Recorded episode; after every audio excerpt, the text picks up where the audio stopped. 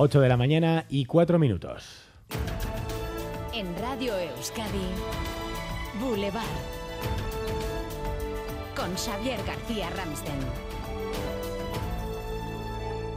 San Fermín es aparte, el sonido y la imagen del día está en Vitoria-Gasteiz.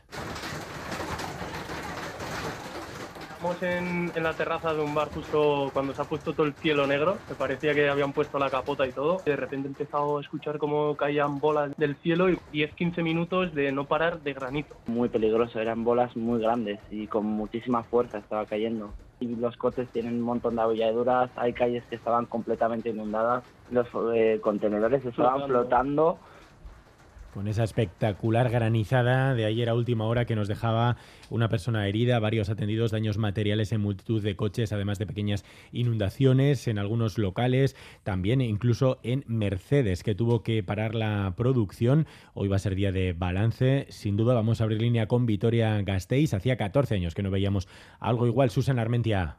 Sí, Gunón, hoy la ciudad amanece verde por la cantidad de hojas y de ramas que cayeron y que cubren toda la ciudad. A esta primera hora de la mañana, efectivos de limpieza se afanan por abrir pasillos en los eh, paseos y en los parques para que puedan circular los peatones. En el casco viejo, en la Zapa y en la Cuchi hay zonas acordonadas, las mismas donde ayer cayeron los cristales rotos de varios miradores. Pues a las ocho y media de la mañana haremos balance con Iñaki Gurtubay, concejal de seguridad de Vitoria Gasteiz, que estará en directo con nosotros.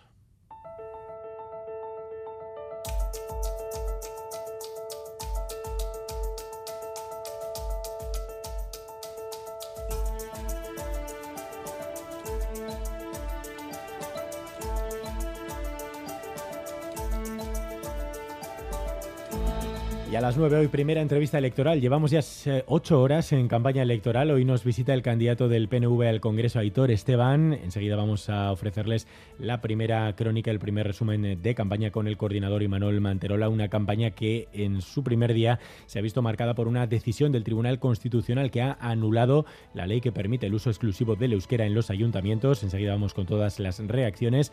Además, esta mañana nos estamos desayunando con una grave noticia en Bilbao. La Erchancha investiga una agresión sexual en la capital vizcaína en la zona del puente de Miraflores. Según publica el diario El Correo, se trata de una joven de 14 años agredida al menos por dos jóvenes armados con navajas. Un extremo este último que el Departamento de Seguridad no confirma. Eso sí, eh, nos asegura que están ahora mismo investigando lo ocurrido.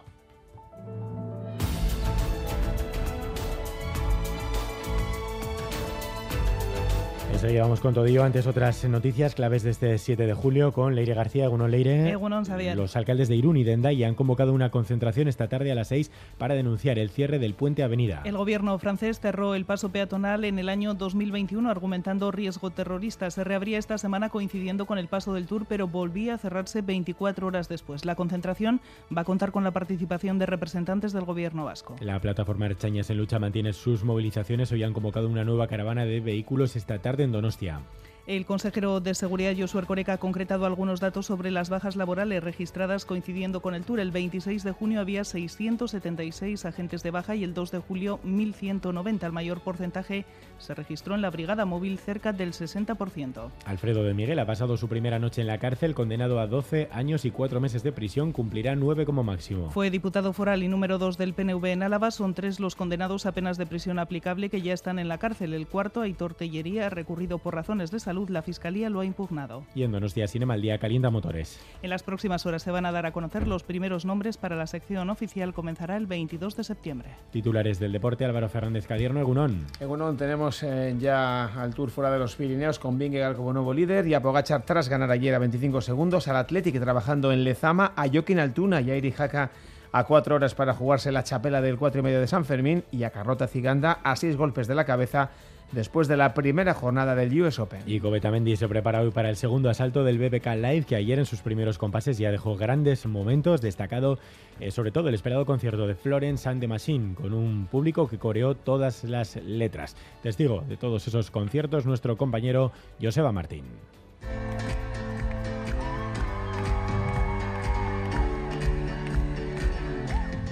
Saludos, buenos días. Se puede decir que en la primera jornada del BBK Live hubo dos conciertos que sobresalieron del resto, antes de que casi a las 2 de la madrugada los Chemical Brothers convirtieran Covetamendi en una imparable pista de baile. Por una parte, Amaya, la joven cantante de Iruña, que se sintió emocionada en varios momentos ante la buena acogida del público de Bilbao.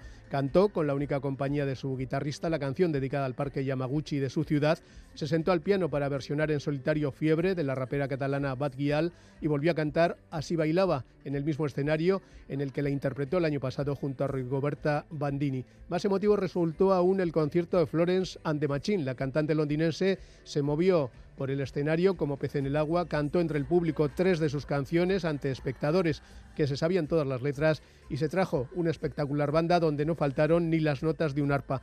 Fue sin duda el mejor momento del día. Llamó la atención la apabullante propuesta de Villano Antillano, rapera trans que llega desde Puerto Rico gracias a la sesión que grabó con el productor Bizarrap el año pasado. El escenario Bifitter se quedó inmensamente pequeño ante la avalancha de público. Por su parte, los Chemical Brothers apabullaron con su pantalla gigante donde todo tipo de animaciones creadas por ordenador, los juegos de rayos láser y la máquina del ritmo que llevan sus canciones elevaron el BBK Live a otro nivel. Por hoy destacan los conciertos de Duki, actual estrella de las músicas urbanas, Roisin Murphy, la ex cantante irlandesa de Moloco, los franceses Phoenix y Pavement, la banda de indie rock californiana que marcó una época en los 90 y que no ha vuelto a grabar desde 1991. Esperemos que estén a la altura del concierto de Florence and the Machine, que ha quedado ya para el recuerdo.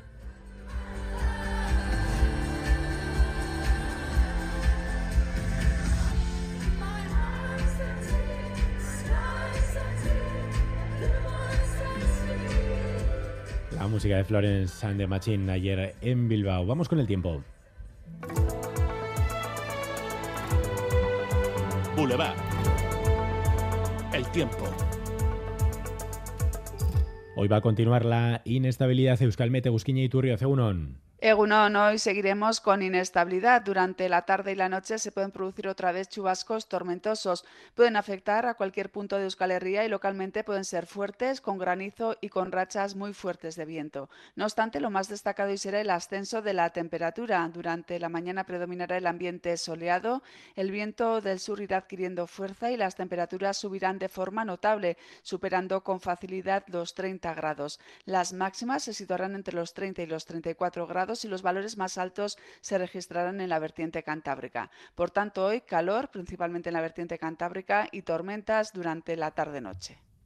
Temperaturas hasta ahora tenemos 19 grados en Musquis, en 18 eh, grados en Bilbao, Donostia y Bayona y 16 en Gasteiz y en Iruña. Egunon, Oñati, 17 grados, asfalto mojado, con bastante niebla. Agur. Egunon, zarautzen gaur amazazpi gradu, ondo izan aio. Caixo Egunon en los arcos 19 grados y nublado. Gora San Fermín. Egunon, Sornochan hogei gradu. Agur, ondo izan. Pues Gora San Fermín. Boulevard. Tráfico. ¿Algún problema en las carreteras, Asier? Hay retenciones en la entrada a Bilbao por los túneles de Samamés debido a la afluencia de vehículos. Retenciones que llegan hasta la autopista y que están complicando la circulación en la A8 sentido Donostia a la altura de Bilbao. Problemas también por la afluencia de vehículos en la recta del Max Center sentido Donostia. Y a las 8 y 13 minutos tenemos ya el parte de heridos del primer encierro de San Fermín. Aitor Pérez, adelante. Efectivamente, compañeros, estamos con José Aldaba de Cruz Roja. Bueno, José, ¿cuál es el balance de este primer encierro? Bueno, en principio tenemos que estar hablando en estos momentos de cuatro solicitudes de traslado a centros de, urgencia. Uno desde el tramo de estafeta, en el puesto de Espocimina, por herida en cara, aquí en Telefónica una contusión sin deformidad en pierna y hay dos solicitudes desde Plaza de Toros, una por herida por caída que está siendo atendida en la enfermería y una, una segunda atención en, el mismo coso que está todavía en valoración. Bueno, pues en valoración, muchísimas gracias José Aldaba, este es el primer eh, balance, el balance habrá que seguir en los próximos minutos para ver si hay todavía alguna otra atención, algún otro traslado, pero por el momento sin heridos por hasta de toro en este primer encierro de, los, de la Palmosilla. Las 8 y 14. Ayúdanos a mejorar nuestra información con tus comentarios, fotos y vídeos. Envíalos al WhatsApp de Radio Euskadi 688 840 840.